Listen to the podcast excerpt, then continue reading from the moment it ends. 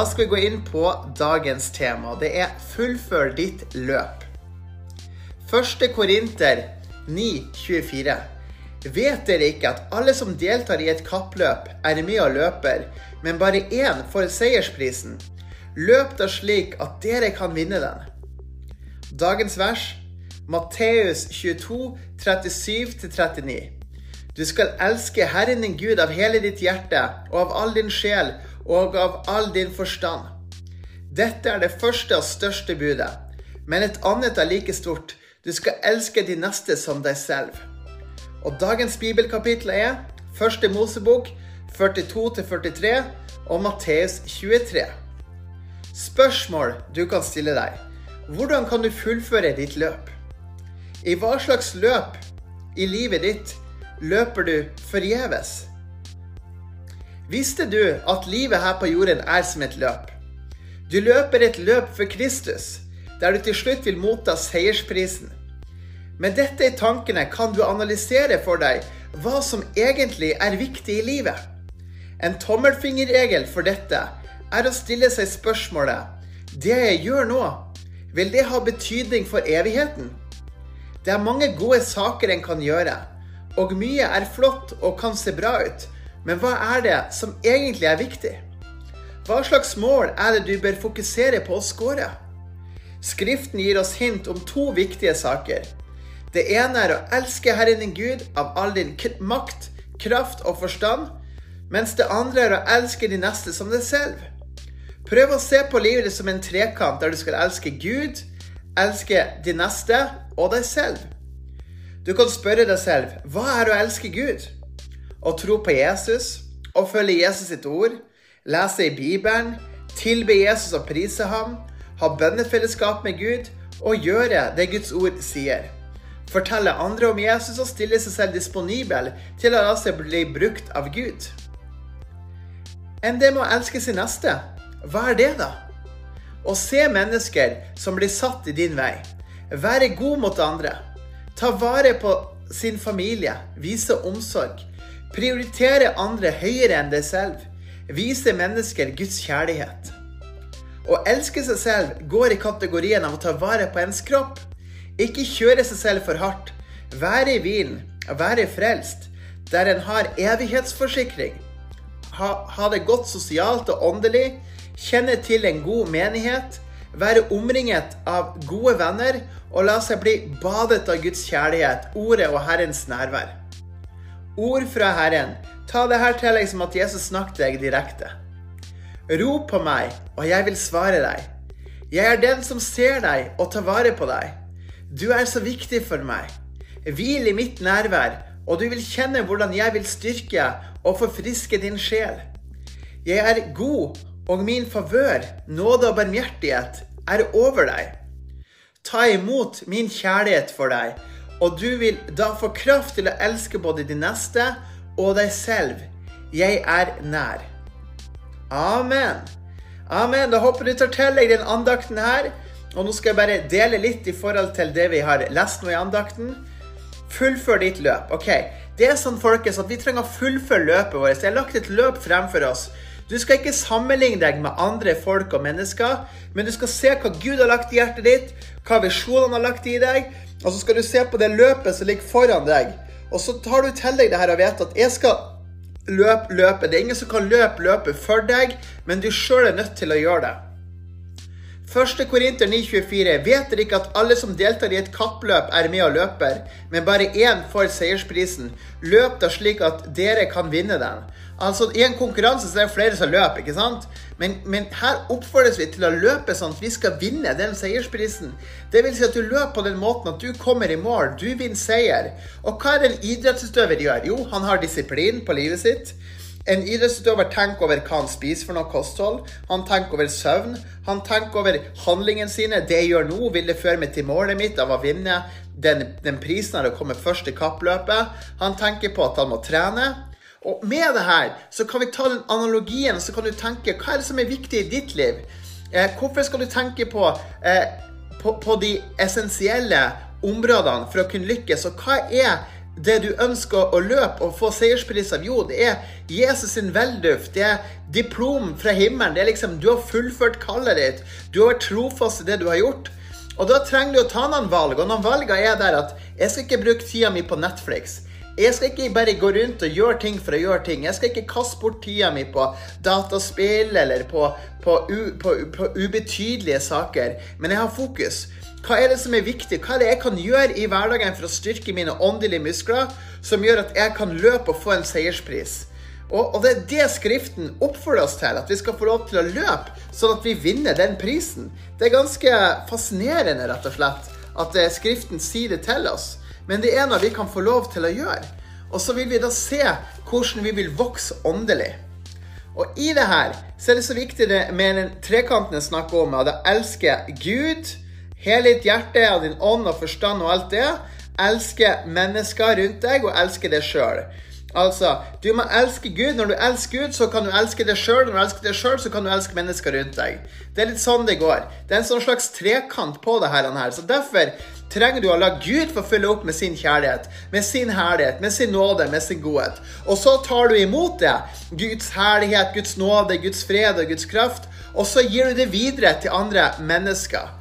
Så det å ta vare på seg sjøl er essensielt. Så Matteus 22, 37-39. Du skal elske Herren i Gud av hele ditt hjerte, av all din sjel og av all din forstand. Dette er det første og største budet, med et annet er like stort. Du skal elske din neste som deg selv. Så det her, å gjøre de tre tingene her, elske Gud, elske sin neste og elske seg sjøl, det er veien til gjennombrudd og til seier. Så du kan ta tillegg på den måten her.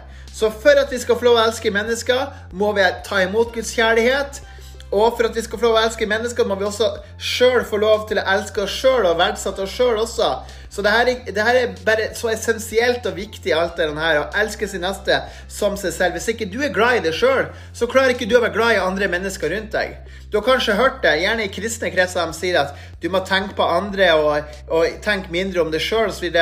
Men det vil si at tenke mindre om seg sjøl vil ikke si at du skal se ned på deg sjøl. Det vil ikke si at du på en måte tenker at du ikke er viktig. Du er superviktig. Og Gud, du er viktig for Gud, og Gud elsker deg. Og han ønsker å gi deg det maksimalt bra. Men det som det, det, eh, det på en måte hintes til, er at vi skal tenke enda mer på folk rundt oss. At vi går ikke liksom inn i oss sjøl helt, men vi på en måte vi ser folk rundt oss. Men for at vi skal gjøre det, så må vi være glad, vi må være trygge. Vi må gjerne på en måte kjenne at vi får ta imot den kjærligheten her. Så derfor er det en utrolig bra trekant. Elsk Gud med hele ditt hjerte, elsk mennesker rundt deg, og elske deg sjøl. Når du gjør det, så får du til og med lov til å gi ut Guds kjærlighet. Du tar imot Guds kjærlighet, du elsker Gud, han føler seg elska av deg, og så er du med enn flere mennesker rundt deg.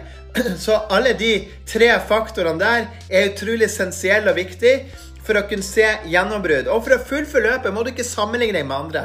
Jeg har sjøl vært idrettsmann før. Når jeg skulle løpe 100 meter og 200 meter eh, ute på idrettsbanen på Lillehammer, så sto de klare med pistolen og skjøt ikke sant, på Idrettsforbundet, og da løp jeg 100 meter. Da drev ikke jeg og så meg rundt, jeg drev ikke og tenkte på hva skal jeg gjøre i morgen. Jeg drev ikke og tenkte på hva jeg skal gjøre om et år, jeg drev ikke og la planer, liksom. Jeg var fokusert. Jeg så på banen, jeg så ikke på de rundt meg. Jeg, jeg tenkte ikke på sidemann, hva det er han har på seg, hvor, hvordan har han det. Jeg bare fokusert. Og så løpte jeg for å vinne den runden. Nå var det ikke sånn at jeg vant, da, men allikevel så løpte jeg. Og jeg fikk lov til å løpe. Og det her bare hintes til oss i vårt liv. Løp. Løp den runden her. Ikke se på naboene ute, men se på Gud. Se på, på det Jesus viste deg. Ha, få en visjon for livet ditt. Og så løp du i den farta Gud har satt deg, og i den retninga han har for deg. Amen. Ta til deg det her som en oppmuntring for i dag. Da skal vi videre se, lese i Skriften til dere som vil være med på det òg. Så det er veldig fint. Vi prøver jo her å lese eh, Bibelen på et helt år. Så det gjør vi jo, og det er fantastisk bra. Og eh, Ønsker du å holde kontakt med meg videre, gå inn på danielhaddal.com. Og, eh, og, gjerne kommentere inn, skriv inn gjerne her din e-postadresse og navn og sånt. Så kan, vi, kan, du få ta del i endre flere ting tingene de på med, så kan vi holde kontakten på den måten. Og så kan du få ta en del av fellesskapet som vi kjører på med. Så Guds velsignelse over deg. Da håper du har en bibel tilgjengelig. Vi skal nå se i Matteus kapittel 23.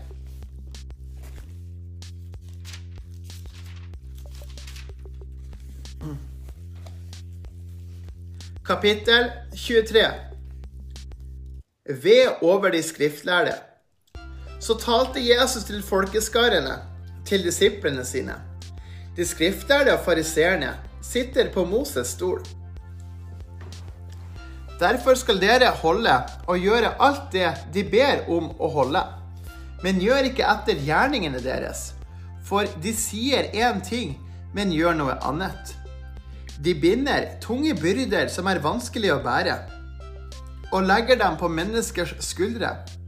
Men selv vil de ikke røre dem med en eneste finger. Alle gjerningene sine gjør de for å vise seg for mennesker. De gjør bønneremmene sine bredere, og minneduskene på klesplaggene gjør de større.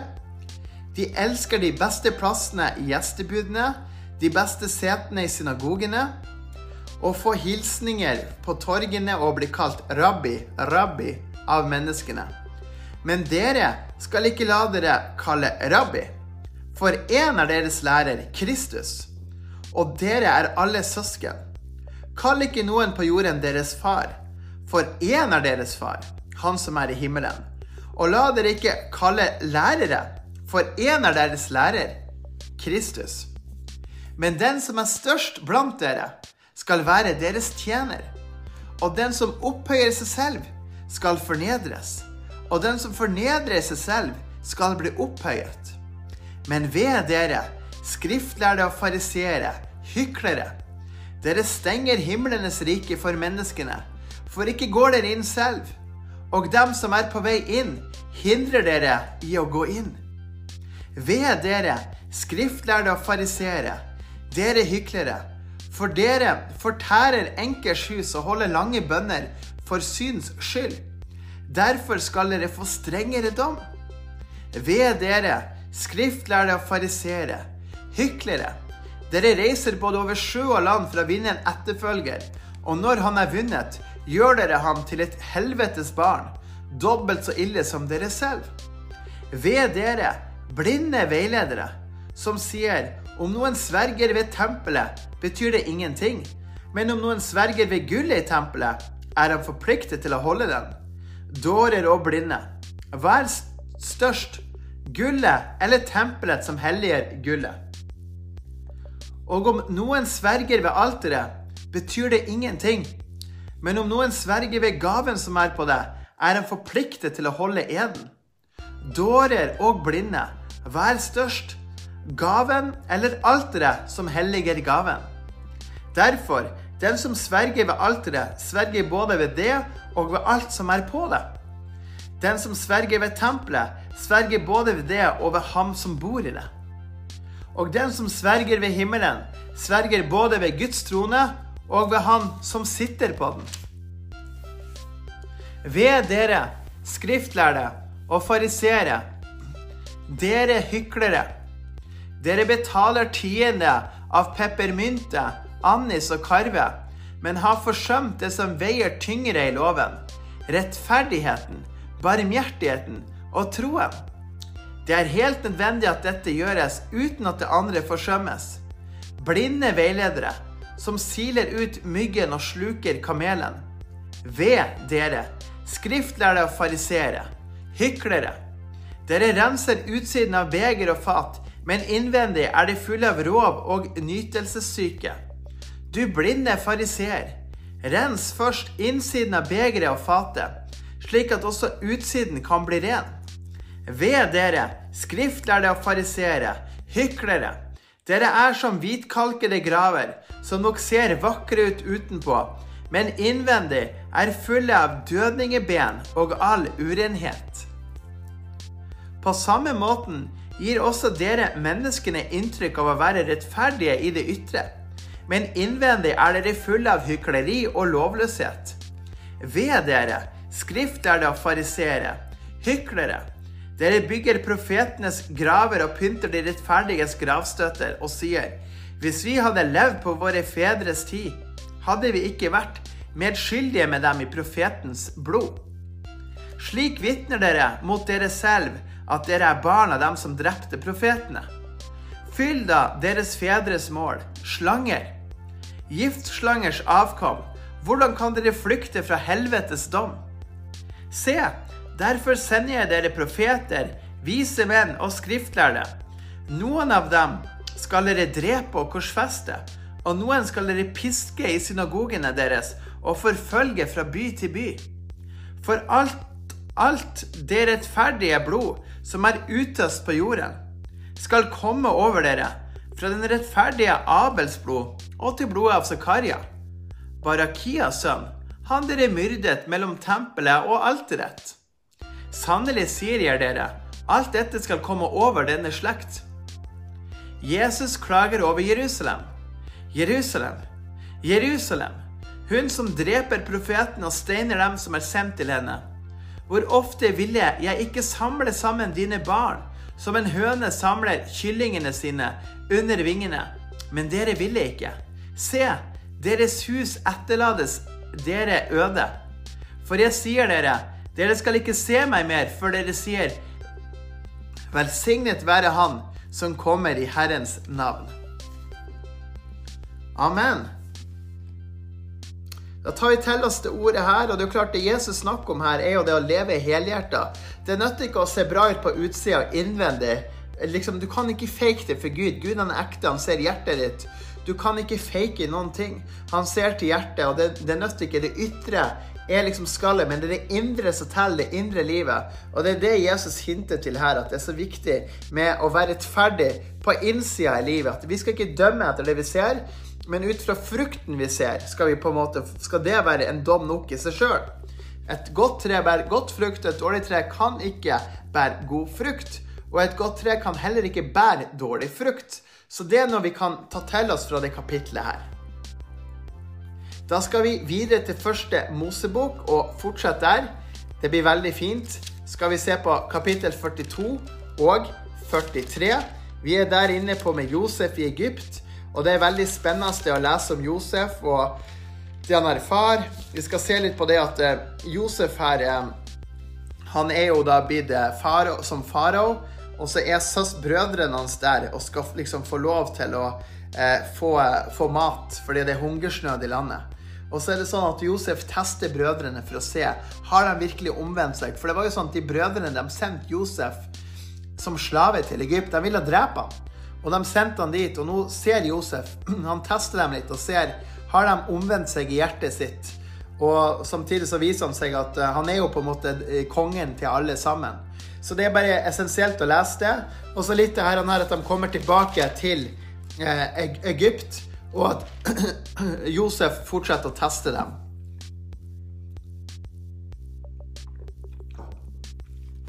Første Mosebok, kapittel 42.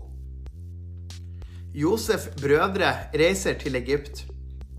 Da Jakob fikk vite at det var korn i Egypt, sa Jakob til sine sønner, Hvorfor ser dere bare på hverandre? Han sa, Se, jeg har hørt at det er korn i Egypt. Dra ned dit og kjøp for oss derfra, så vi kan leve og ikke dø. Så dro ti av brødrene til Josef ned for å kjøpe korn i Egypt. Men Jakob sendte ikke Josefs bror Benjamin sammen med brødrene hans, for han sa han må ikke rammes av noe ulykke. Også Israels sønner reiste sammen med dem som dro for å kjøpe, for det var hungersnød i Kanans land.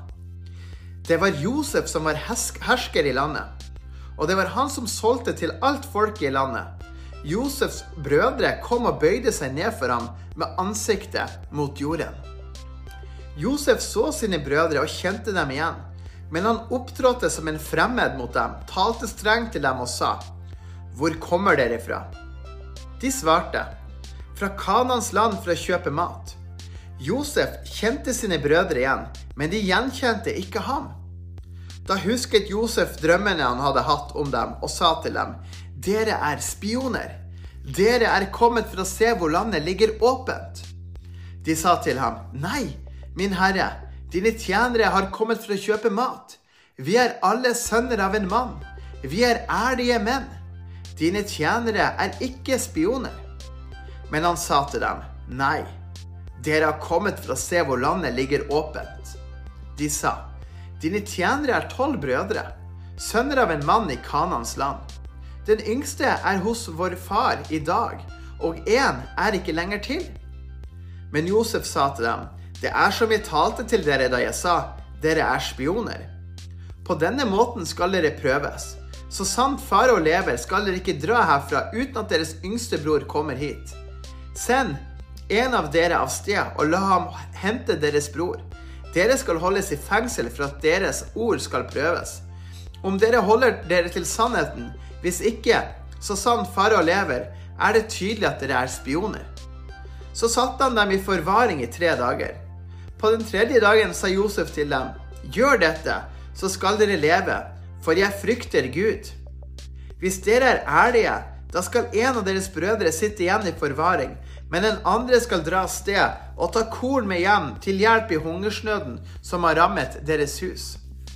Hent deres yngste bror hit til meg, så det kan bli bekreftet at deres ord er sanne, og dere skal ikke dø. Slik gjorde de. Så sa de til hverandre, sannelig, vi er skyldige på grunn av det vi gjorde mot vår bror. Vi så hans sjeleangst da han bønnfalt oss, men vi ville ikke høre. Derfor har denne nøden kommet over oss. Ruben svarte dem, talte jeg ikke til dere og sa, gjør ingen synd mot gutten.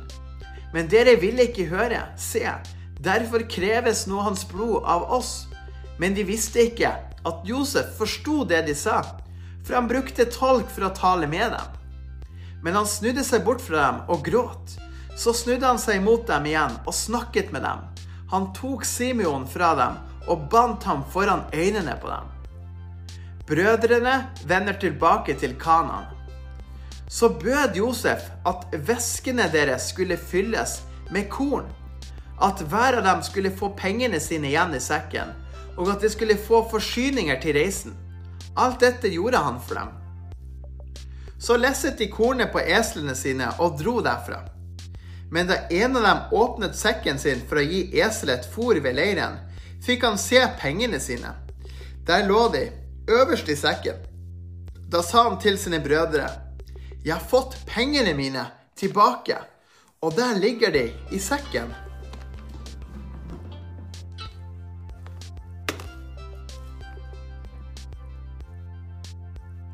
Da ble de grepet av angst i hjertet og sa skjelvende til hverandre, Hva er det Gud har gjort mot oss?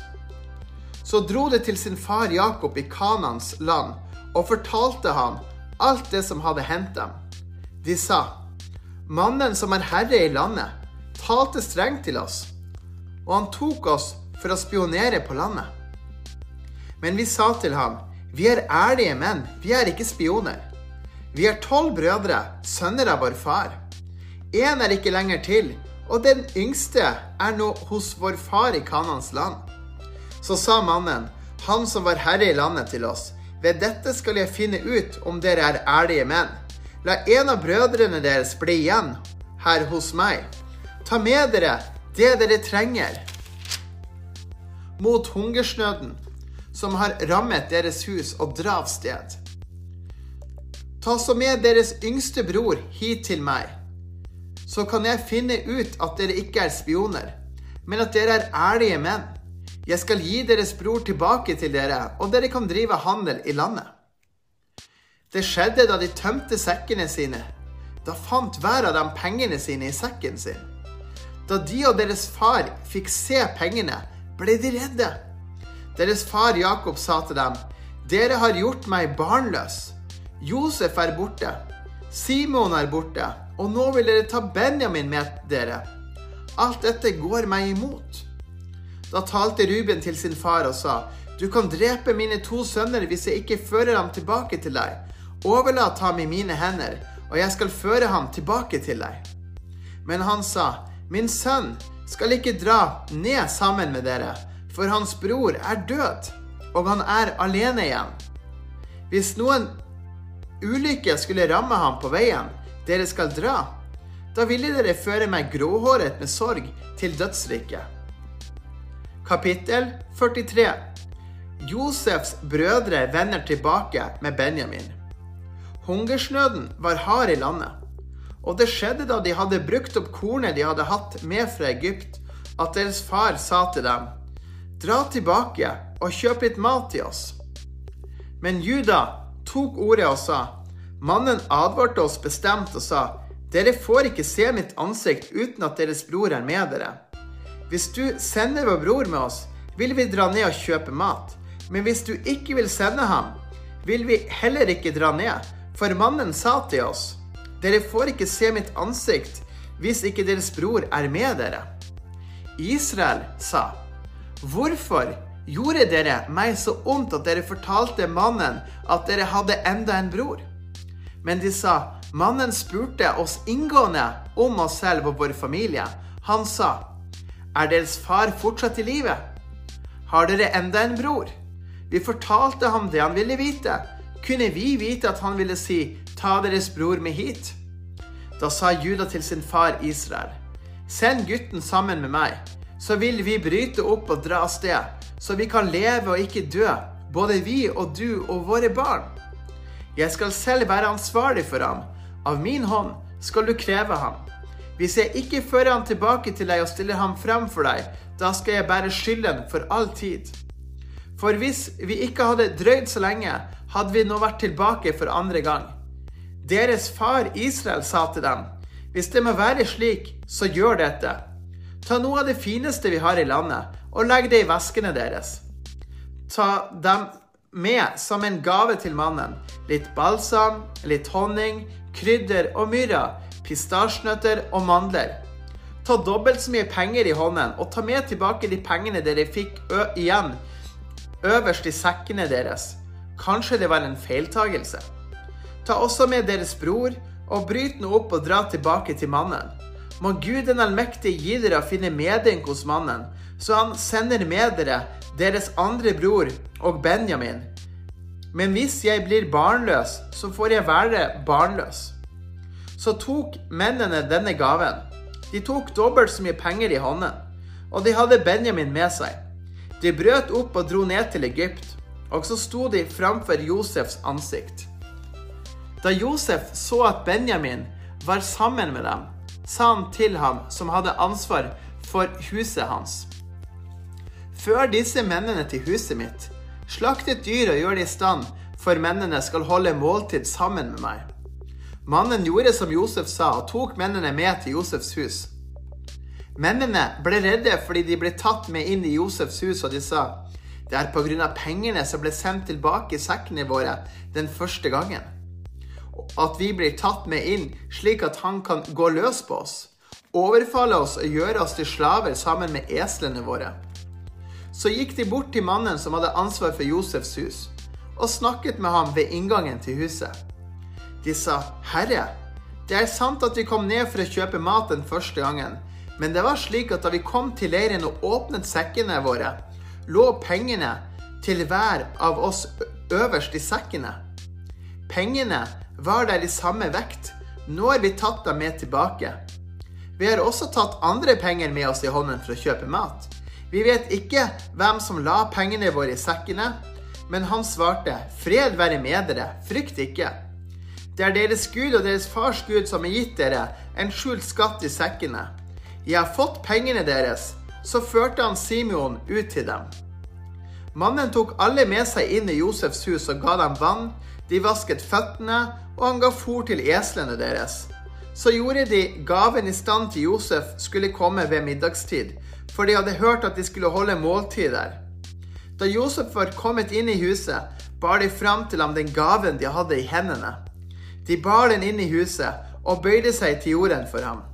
Så spurte han dem hvordan det sto til, og sa, Står det bra til med deres far? Den gamle mannen dere fortalte om, er han fortsatt i live? De svarte, Din tjener, vår far har det godt, han er fortsatt i live. Så bøyde de seg og falt ned foran ham.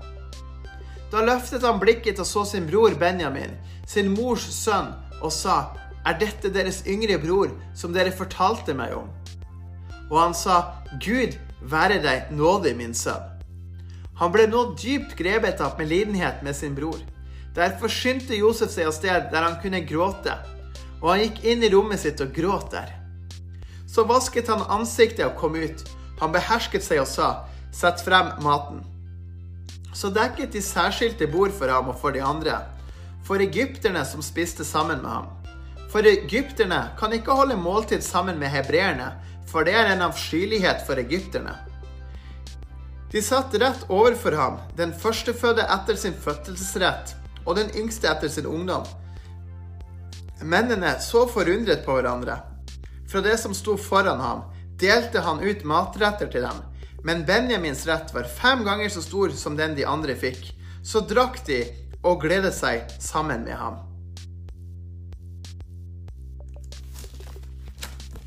Amen. Det var det vi hadde å dele her. Spennende historie med Josef, hvordan han møter brødrene sine igjen. Og han tilgir dem liksom i hjertet sitt. Han er ikke bitter på dem, han tester litt for å se hvordan de skal reagere. For de brødrene her som behandla Benjamin fint, det var jo dem som sendte han til Egypt, kasta han i en brønn og ville drepe han. Utenom Ruben, da, som ville berge han. Men så ser vi at det er en forandring der, og vi ser at Josef er veldig rørt. Du ser at han har hjertet på utsida. Han går og gråter plutselig. Han blir rørt av en lidenhet for broren sin. Og, og, det er bare så vakkert å se hvordan Gud bare gjør bra ting ut, ut fra ting som har vært skjært, ting som ikke har fungert, ting som har vært vanskelig. Så fikser Gud både i relasjoner, i forhold, i familie, familieliv. Og det her er jo et stort familie, liksom. Her er han som er blitt kasta ut for å dø, og som da er kongen i Egypt, så å si. Det er sterkt og at Gud bruker han til å berge hele hans familie. Så jeg gleder meg til å lese videre med deg. Det blir fint. Må Gud velsigne deg masse. Må du ha en fantastisk fin dag videre. Og Gud elsker deg. Jesus er med deg. Ha det godt så lenge.